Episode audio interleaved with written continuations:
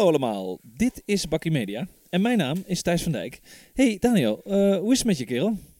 Ja, Thijs, dankjewel. Het gaat uh, goed. Uh, ja, de afgelopen week zat ik weer even aan na te denken, zoals je van me gewend bent. En ja, zeker. Weet je ja. wat? De deze coronatijd heeft toch wel een beetje het kaf van het koren gescheiden. Hè? Qua persoonlijkheid en karakter uh, ja, van, van verschillende mensen. Dit geldt zowel voor zeg maar, de hoogste politieke bazen als de leidinggevenden van allerlei organisaties of bedrijven. En ja, vandaag gaan we het dus even hebben over leiderschap.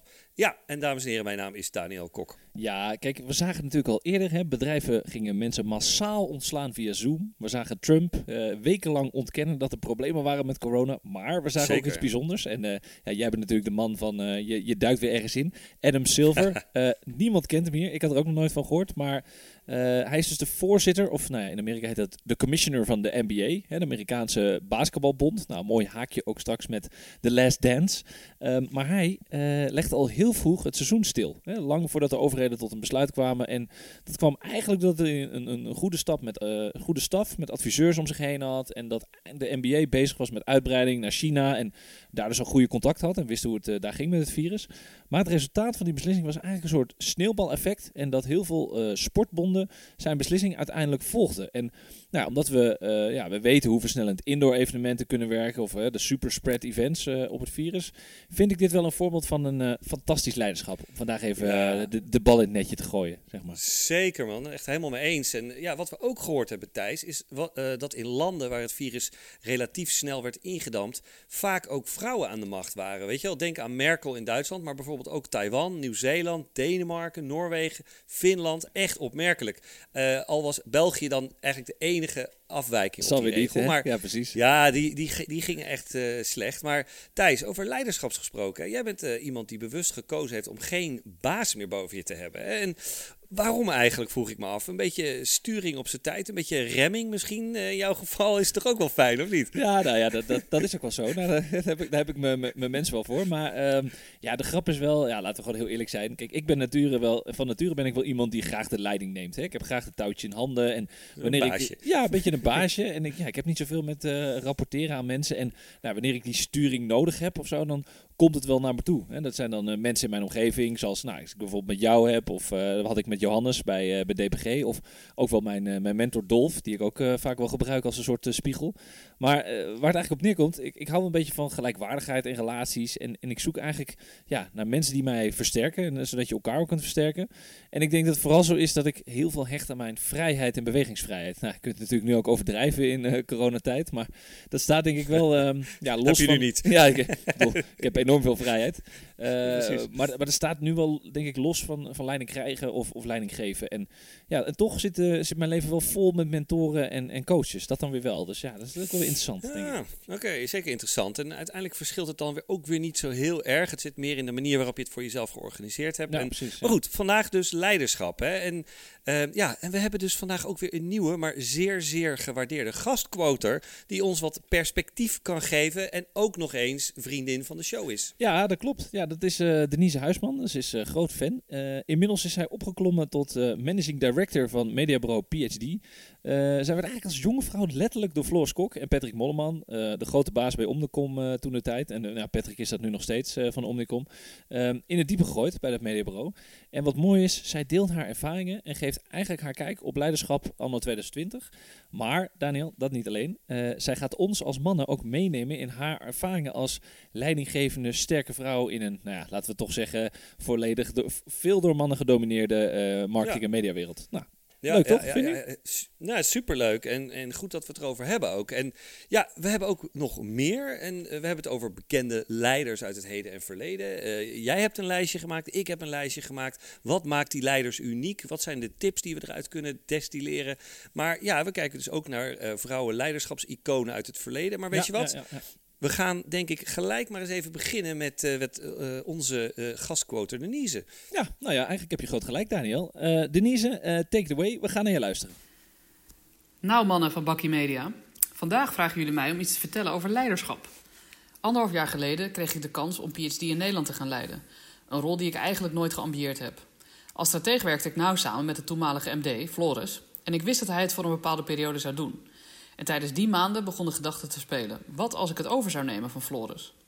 Het idee om PhD verder te laten groeien in Nederland, zelf meer zeggenschap te hebben over de te kiezen richting en aan de slag te kunnen gaan met een mooi team, waren voor mij de belangrijkste redenen om deze gedachte om te zetten in een daadwerkelijk doel. Het duurde even voor ik dat bespreekbaar durfde te maken. Want het is nogal wat voor een jonge vrouw van destijds 32 om dat maar eens even op tafel te gaan leggen bij je leidinggevende. Maar goed, ik ben ik en uit je comfortzone stappen hoort erbij. En dus heb ik dat maar gedaan. Het was ongeveer een jaar voordat ik daadwerkelijk managing director werd. Nog steeds is het natuurlijk prachtig dat Patrick als CEO van Omnicom mij die kans heeft gegeven en dat ook Floris daar helemaal achter stond. Uiteindelijk had ik ruim een half jaar om mezelf klaar te stomen voor de functie. Ik wilde natuurlijk een assessment eh, om mijn kwaliteiten, maar ook valkuilen beter in kaart te brengen, zodat ik daar dan mee aan de slag kon gaan, zodat ik helemaal goed voorbereid zou zijn op wat me te wachten stond. Maar eerlijk, alles is natuurlijk helemaal anders dan dat je vooraf bedenkt. Op veel vragen heb je helemaal geen antwoord, want elke situatie is anders. Dan moet je gewoon sterk in je schoenen staan en je eigen koers durven varen. Maar in de meeste situaties heb je alleen je gevoel en de kennis op dat moment om je keuze te maken. Dus eerlijk, er zijn ook wel eens momenten waarop ik gewoon duim dat het goed komt als ik een beslissing neem. En inmiddels weet ik ook dat dit net zo goed geldt voor leidinggevenden die het al jaren doen. Je weet nou eenmaal niet alles en niet alles wat je doet is een goede keuze. Zo so be it, als je er maar wat van leert. Mijn belangrijkste voornemen was om zo dicht mogelijk bij mezelf te blijven. En dat probeer ik nog steeds te doen. Ik denk dat goede leiders weten hoe ze moeten volgen. Dat een echt goede leider erin slaagt om anderen beter te laten worden en boven zichzelf uit te laten stijgen. Dat is altijd mijn doel. Het ultieme streven is om jezelf volledig overbodig te maken. Floris is daarin een voorbeeld geweest voor mij. Hij kan zichzelf compleet wegcijferen om iemand anders te laten shinen. Dat vind ik echt zo mooi. Leiding geven betekent ook het realiseren van verandering. Het zou voor niks voor mij zijn om simpelweg de huidige status quo te handhaven. Daar doe je het niet voor, toch? Wauw, interessant verhaal uh, van Denise. En uh, zeker ook dat deel over het beslissingen durven nemen. Hè? En dan maar hopen dat het goed komt. Weet je al, fingers crossed dat is toch wel een dingetje hoor. Uh, dit, dit, hoor je ook wel vaker, weet je wel. It's lonely at the top. En uh, een tijdje geleden bij Mediahuis hadden we ook een, een onderzoekje waar het bleek dat mensen in managementposities of ondernemers vaak ook eenzaam zijn. Hè? En zich ook een beetje onbegrepen ja, voelen. Nee, ken ik. Door, ja, ja, ja, weet je, door een, door een partner of een directe collega's. Want die weten toch nooit precies wat de druk is die op, een, uh, ja, op, op zo iemand ligt. En alleen eigenlijk mensen zoals zij, die snappen hun. En ja, wat viel jou, jou op in het verhaal van Denise? Nou ja, ik, ik ken Denise ook persoonlijk. En wat ik uh, knap aan haar vind, is, is uh, ja, hoe, hoe gedisciplineerd eigenlijk zij is. En hoe ze haar dromen nastreeft en gewoon zegt, nou, dit is mijn doel en dit ga ik doen. Dat vind ik gewoon heel cool en heel stoer aan haar. Uh, en vooral dat ze zich uh, ja, best wel bewust is van het feit hè, dat ze dus uit de comfortzone uh, moest stappen toen ze die, die functie aannam bij PSG. Maar toch wel zichzelf ja, continu blijft uitdagen. mooie uitspraak. Stilstand is achteruitgang, zei ze. Nou, dat is zo'n uitspraak die we in ons research naar de leiderschapsvoorbeelden ook veel hebben teruggezien bij grote leiders. Maar wat ik ook veelzeggend vind, is ja, dat op het moment dat zij dus managing director wilde worden, dat ze dus voor zichzelf bij Floris en Patrick een assessment had aangevraagd om haar eigen uitdaging in kaart te brengen. Ja, dat vind ik wel heel krachtig. Vind ik wel stoer gedaan, toch? Ja, zeker. En ik vond het ook um, heel bijzonder. En ja, uh, ze vertelde datgene ook op een manier dat het, ja, het leek ook voor haar heel normaal om dat te doen. Precies, ja. Dat vond ik heel knap. En ik denk dat dus exact uh, ja, zo'n manier van denken die juist ervoor zorgt dat, dat zij dus voor zo'n leiderschapsrol gemaakt is, uh, weet je wel. En heel leerzaam denk ik voor anderen om dit te horen. En, maar jij, jij noemt net ons lijstje met leiders. Hè? Ik ben onderhand eigenlijk wel benieuwd naar jouw lijstje van meest inspirationele of meest aansprekende leiders. Uh, Thijs, kom maar nou, op. Daar gaat hij dan. Uh, buiten Denise natuurlijk. Uh, nee, in, in chronologische volgorde. laten we beginnen een beetje in de tijd. Julius Caesar. voor mij een legendarische leider in de Europese geschiedenis. Niet alleen omdat hij geweldig tacticus was en veroveraar was, maar ook hij was eigenlijk wel een soort allround uh, persoon. Hij was ook nog een grote redenaar en, en communicator. En hij schreef ook nog diverse boeken. Nou ja, goed, dat was nog voor de boekenkunst.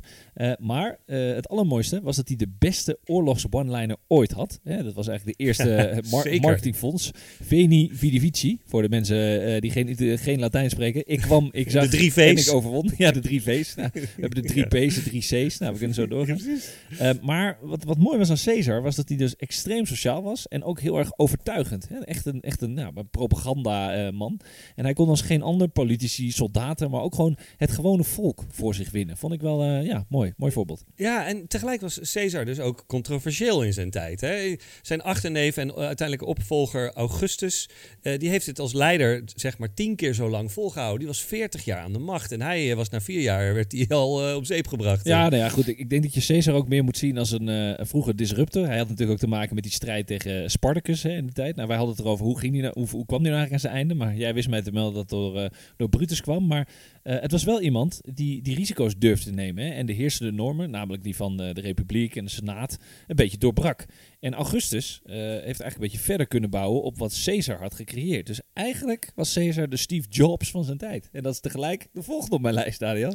Ka kijk eens aan Thijs. Die had ik nou dus ook op mijn lijst ah, staan. Bingo. En, ja, weet je, daar zijn we het dan over eens. Het scheelt weer. Waarom vond jij hem... Uh, nou zeg maar, ik, een plekje ik, verdienen. Ik vond Steve, kijk, het was, was natuurlijk een van de eerste. Ik bedoel, we hebben er eens een film over geschreven, eens een boek over geschreven. Maar hij was een van de eerste die, die technologie uh, modieus en sexy maakte. En tot dan toe waren het allemaal een beetje saaie, nerdy apparaten. En Jobs was wel een visionair weer met lef. Ja, ik denk niet uh, dat, dat Steve Jobs per se een hele aardige man was. Maar ja, ik denk dat Caesar bijvoorbeeld wel wat socialer was. Maar Jobs was een perfectionist en ook wel een, een micromanager genoemd. Hè. Dat kwam in de film ook naar voren en in, in zijn boek. Hij bemoeide zich letterlijk met alles. Ik had het laatste boek gelezen ook over Pixar. Daar was hij ook enorm bij betrokken. En ja, dat is eigenlijk het soort betrokkenheid wat anno uh, 2020 niet per se een goed idee is, hè, micromanagen. Um, vertrouwen geven in je mensen, empowerment of people, hè, dat is nu belangrijk. Maar Jobs was vooral wel een, een excellente leider vanwege zijn visie en lef om gewoon keuzes te maken. Uh, en jij hebt het eerder gehad, ook over uh, Jobs visie op creativiteit. Maakt dat voor jou dan een, uh, ook een goede leider of zie je dat anders? Nou ja, die creativiteit, dat is iets voor mijn vak. Uh, vond ik dat natuurlijk geweldig bij Steve Jobs. Maar een van de leiderschapslessen van Steve Jobs die mij aansprak was zijn focus. Ja, ja, ja, Hè, zeker, ja. Focus dwingt je om dingen te versimpelen en ook om keuzes te maken. En er is een heel mooi voorbeeld van. Um, een mooi verhaal ook uit zijn boek. En hij had op een bepaald moment heeft hij een uh, heidag georganiseerd met zijn beste mensen binnen Apple. Nou, hij ging dus voor een whiteboard staan en vroeg: Oké okay, mensen, wat zijn de tien dingen die we nu straks moeten gaan doen? Nou, iedereen begon te schreeuwen, dit en dat en allemaal. Iedereen wilde natuurlijk zijn punt op het lijstje krijgen. En Jobs, die schreef ze allemaal braaf op. Hij schrapte er een paar die hij echt gelijk al heel stom vond, gooide die er gelijk al af. En ja, na een paar uh, minuten kwam de groep tot een lijst van 10 punten. Nou, wat hij dus deed is, hij keek de zaal in en hij streepte direct de onderste zeven weg. En hij zei, we kunnen er maar drie doen. ja, dat is, dat is toch ook wel weer mooi ook, vind je niet? Ja, we, kun, ja. we kunnen denk ik over deze uh, bijzondere man met dat fenomenale brein... en eigenlijk mega zwakke lijf nog nou wel honderdduizend ja. dingen meer vertellen. Maar jouw kennende, hè, heb jij vast ook nog wel een tegenhanger tegenover mijn uh, historische figuur op de lijst... als uh, ja. tegenhanger voor mijn Caesar. Ja, ja, ja, ja, zeker, zeker. Ik heb hier genoteerd staan Napoleon Bonaparte. Nappie, mooi. Ja, jij had ja. echt een prachtig verhaal over hem, wat mij uh, wel inspireerde. Ik bedoel, jij, jij weet me altijd weer te verrassen. Uh, je vertelde mij dat, dat Napoleon als uh, geen ander dus gebruik maakte van de powernap. Mooi toch? Napoleon ja. en nap. Ja, maar even voor de luisteraar, hoe, hoe zit dat precies? Ja, ja, Napoleon. Echt, uh, in heel veel aspecten was hij echt een hele indrukwekkende man. En net als Caesar was hij echt allround. Maar hij was dus, ja, dus uh, ook heel slim en heel intelligent. Hij kon onwijs goed rekenen. En hij was uh, ja, ook nog heel charismatisch. Maar wat hem in mijn ogen echt bijzonder maakte, was dat hij uh, uitermate stressbestendig was en echt enorm goed kon multitasken. Oh, een van de weinige mannen ook ja. die dat kan, hè? Dat is toch wel knap. Nou ja, ja exact. En weet je, hij kon dus gewoon midden in een veldslag, uh, uh, hè, dan was hij ge gefocust met zijn verrekijker en dan werd hem ineens iets gevraagd over iets in Parijs, politiek. en hup, dan draaide hij zich om en had hij er meteen zijn antwoord klaar. En dan draaide hij zich om en dan ging hij weer verder met de oorlog. En ja, kostte hem dus ook totaal geen moeite om bijvoorbeeld even dus dat dutje te doen. Terwijl honderden soldaten echt een eentje verderop aan het sneuvelen waren. Ging hij gewoon liggen, uiltje knappen en hop, dan kon hij gewoon en dan was hij weer helemaal aan. En ja, wat ik eigenlijk ook fantastisch vind, en dat is misschien uh, de, ook de tip die je zeg maar uit, uh, van, van deze man kunt afleiden, is dat hij altijd extreem goed voorbereid was.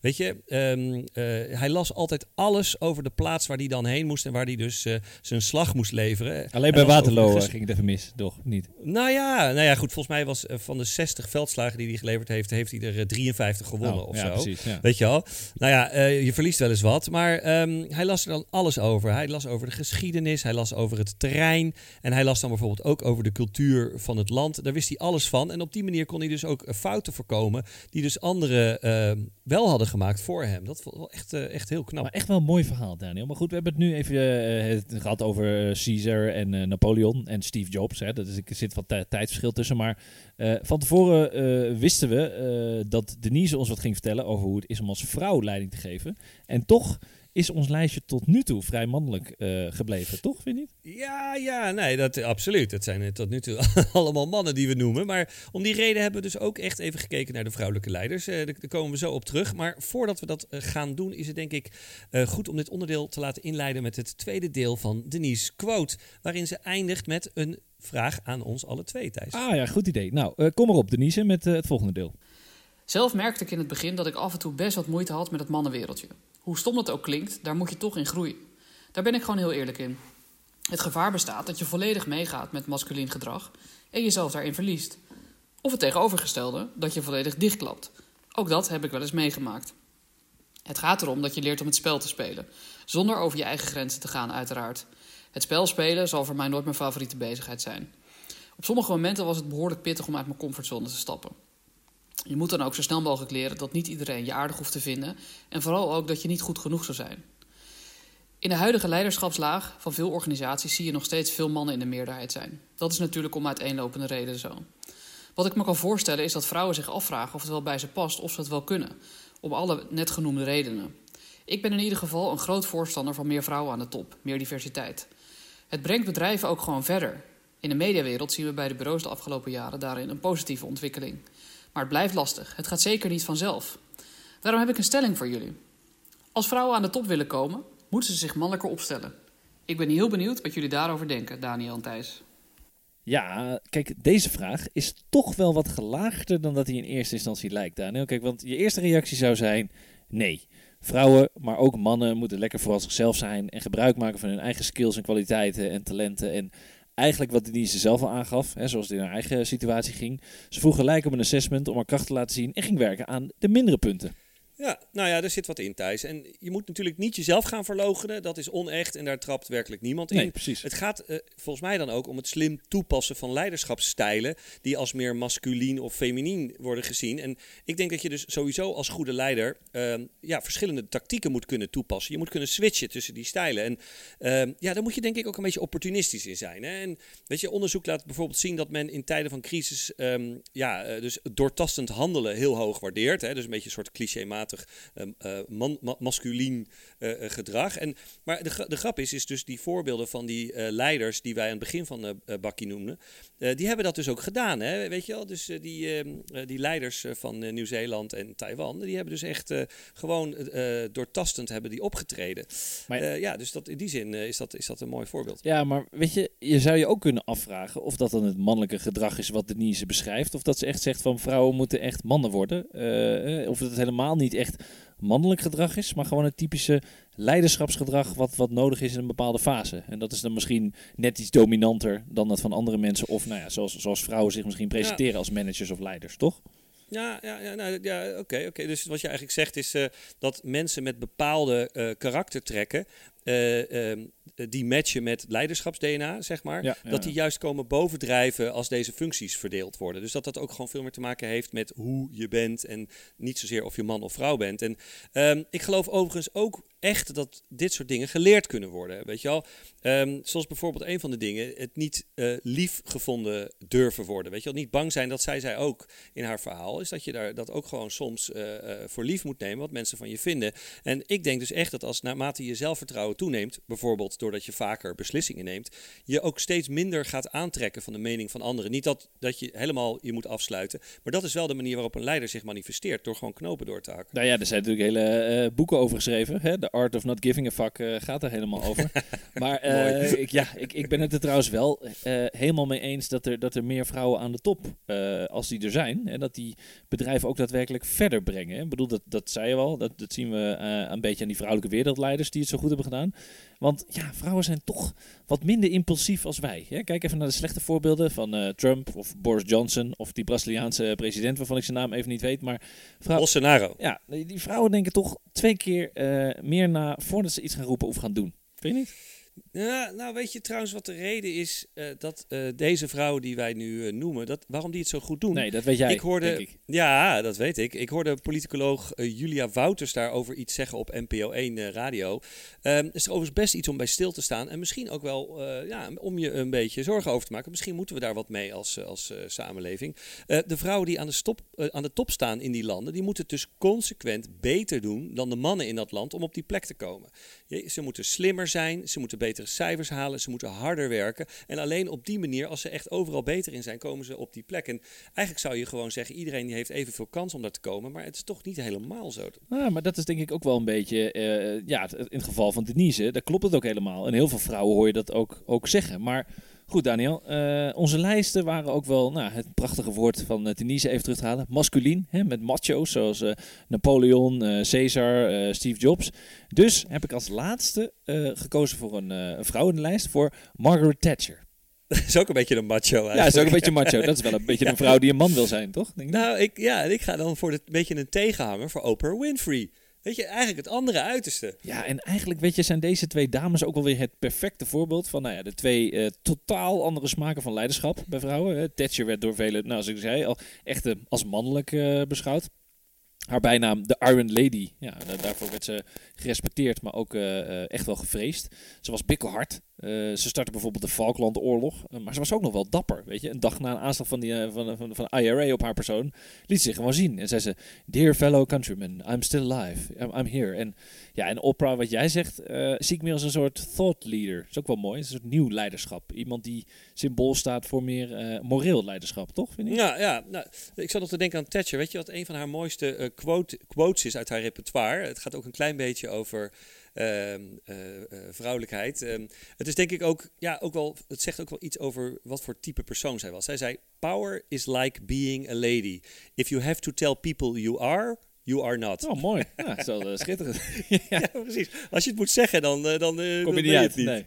Nee, precies. Maar Oprah is inderdaad helemaal aan de andere kant van het spectrum. En vooral als het gaat over positiviteit, weet je wel. eh, Thatcher, dat kon wel echt wel, wat je zegt, bikkelhard zijn. En bij spreken heel erg ja, pittig. En, ehm, en, en Oprah zat dus veel meer op, op de manieren waarop je kon samenwerken. En, maar vergis je niet, hè, zij is ook absoluut geen doetje. Ze is echt een mega succesvolle vrouw. Die, ik geloof dat ze echt anderhalf miljard eh, dollar op de bankrekening Ja, een, staan. stu- een stukje rijker dan eh, Thatcher, die natuurlijk niet al te veel vrienden maakte met haar eh, uitspraken. Die, die trouwens ook wel wat centen had, trouwens, volgens mij. Maar Ja, ja, die was ook miljonair. Maar goed, weet je, Oprah heeft het veel in haar programma's en ook op de platforms die, over, die ze overigens zelf gecreëerd heeft, heeft ze het, ook over het belang van, je best mogelijke, van de best mogelijke versie van jezelf zijn. Weet je wel, de kracht die in jezelf je zit. inner je voice, je inner strength. Ja, Ja, mooi. En dat, is, dat resoneert bij heel, heel veel mensen. En ze zegt bijvoorbeeld, een van haar quotes is... Don't worry about being successful, but work toward being significant... and the success will follow naturally. Oh, Weet je wel, mooi. mo- Filosoof mooi bijna. Ja. Ja, je moet gewoon zorgen dat je relevant bent en dat je doet wat je leuk Ja, ja, ja. eh, eh, eh, vindt. Hè? En niet alleen maar focussen op dat succes. Vind dat doel, iets waar je blij van wordt en dan keihard werken, want dat kon zij ook. Nou, ik ben wel benieuwd hoe eh, Oprah op dit moment kijkt naar de rellen die eh, eh, in- Amerika plaatsvinden. En de campagnes van. Nike die nu zeggen van just don't do it. Ik bedoel, maar dat is een, een discussie die op social al gevoerd wordt. Ja, en Maar- Adidas, en Adidas die daar vervolgens op reageerde. En die zei, ja, en we moeten het samen doen. Weet je wel, heel erg sterk. Ja, Ja. Adidas is een beetje Oprah en Nike was een beetje, was een beetje Thatcher. Maar goed, twee, twee heel, verschillende, ja, heel verschillende, maar wel schitterende Wat is, persoonlijkheden. wat is Essex dan? Ja, wat zei Essex? Ja, Essex die is nog bezig met de reactie, volgens mij. Nee, maar als we het hebben over leiderschap, eh, dan moeten we toch ook heel veel terug naar het onderwerp. Eh, even hebben over de leider van ons kikkerlandje, hè? Mark Rutte. Nou, de verkiezingen komen eraan volgend jaar. Vriend en vijand spreken inmiddels vol lof over zijn leiderschapskwaliteiten. Al zijn er ook ja, mensen die vinden dat hij een beetje bullshit uitraapt, maar goed, die heb je altijd. Ehm, maar eh, hij heeft het toch wel goed gedaan in deze coronacrisis. Waar, waar komt dat door, denk jij? Nou, weet je, Rutte heeft de afgelopen jaar, zoals je zegt, best wel uit verschillende hoeken kritiek gehad. Weet je wel, vaak ook, eh, ook wel terecht. Maar één ding is iedereen vriend en vijand het over eens. En, ehm, ja, en dat zie je dus in deze tijden nog meer naar voren komen. Hij krijgt ook echt natuurlijk een heel mooi podium dat hij zeg maar onder de, om de anderhalve week weer voor 7 miljoen mensen kan praten. Hij is een onwijze vaardige communicator. Ja, Weet mooi, je wel? ja, ja. Eigenlijk net als eh, eh, eh, Caesar op het, op het forum en net als Oprah eigenlijk. En ja, de Adformatie had een fantastische analyse analyse van zijn eh, persconferenties. En hij gebruikt dus echt alle psychologische en neuromarketing trucjes die er in het boek staan. Weet je wel. En het waren er geloof ik wel dertien, dus die ga ik allemaal niet opnoemen. Dat moet je ook maar even in de show notes kijken. Maar een van de opvallendste dingen vond ik het gebruik van beeldspraak. We varen op zicht. Het zijn duivelse dilemma's. Het virus golft door het land. Ja, dat, nou, Trump die golft ook voortdurend in, in, in Ja, zijn precies. land. toch? Ja. Echt leiderschap. Nou ja, daar houdt de vergelijking meteen op. Want eh, Trump ontwijkt de media, hij probeert ze aan banden te leggen. En ja, en Rutte die gaat gewoon de confrontatie aan en wint ze vervolgens om zijn vinger. Dat Ja, echt knap. ja, ja, mooi. Maar goed, zelfs de New York Times eh, die schreef de afgelopen week nog een behoorlijk eh, positief en goed stuk over hem, toch? Eh, we moeten Ja, ook niet klopt, vergeten klopt. dat hij op dit moment een van de langzittende Europese leiders is. Hè? De, de New York Times prees zijn integriteit en zijn nuchterheid. Hij geeft eigenlijk heel weinig om persoonlijk bezit. Hij is bescheiden. En, Zijn oude eh, saap ja, heeft hij, hè? Zijn en- oude saap, ja. Precies. En, en hij is in staat in eh, eh, eh, consens te vinden in het land, toch? Vol met verschillende partijtjes en belangen, toch? Weet je niet? Ja, klopt, klopt. Ja, ja, ja, ja, ja. Maar ehm, ja, weet je, Thijs, ik sluit niet uit dat in maart 2021 bij de verkiezingen eh, hele andere zaken ineens gaan spelen. Weet je wel, op dit moment vinden we zo'n eh, leider fantastisch en scharen we ons achter ons. Maar eh, die economische crisis, die, die komt er natuurlijk nog vol, vol flash gaat die, gaat die in, indalen. En weet je, en dan zijn die mooie coronaspeeches toch iets van het verleden. En dan is het de vraag of de kiezer dat nog kan herinneren. Will he survive? Ja, en ja, nu nog een paar minuten. Of nou, nog niet eens een paar minuten. En ons Ja, pakje 30 media ligt ook alweer achter in het geheugen van onze luisteraars, eh, Daniel. Jammer man. Ja, dit was het weer voor vandaag, eh, dames en heren. Deze aflevering is zoals gebruikelijk terug te luisteren op Soundcloud, Spotify en op Apple Podcast. Ook zijn we te vinden op de platformen van onze mediapartners, De Adformatie en De Ondernemer. Je kunt ons ook terugvinden op de sociale mediakanalen. Op Twitter op via @bakkymedia, op Instagram via @bakkymediapodcast en ook natuurlijk voor familie en vrienden zijn we te vinden op Facebook. Tot volgende week.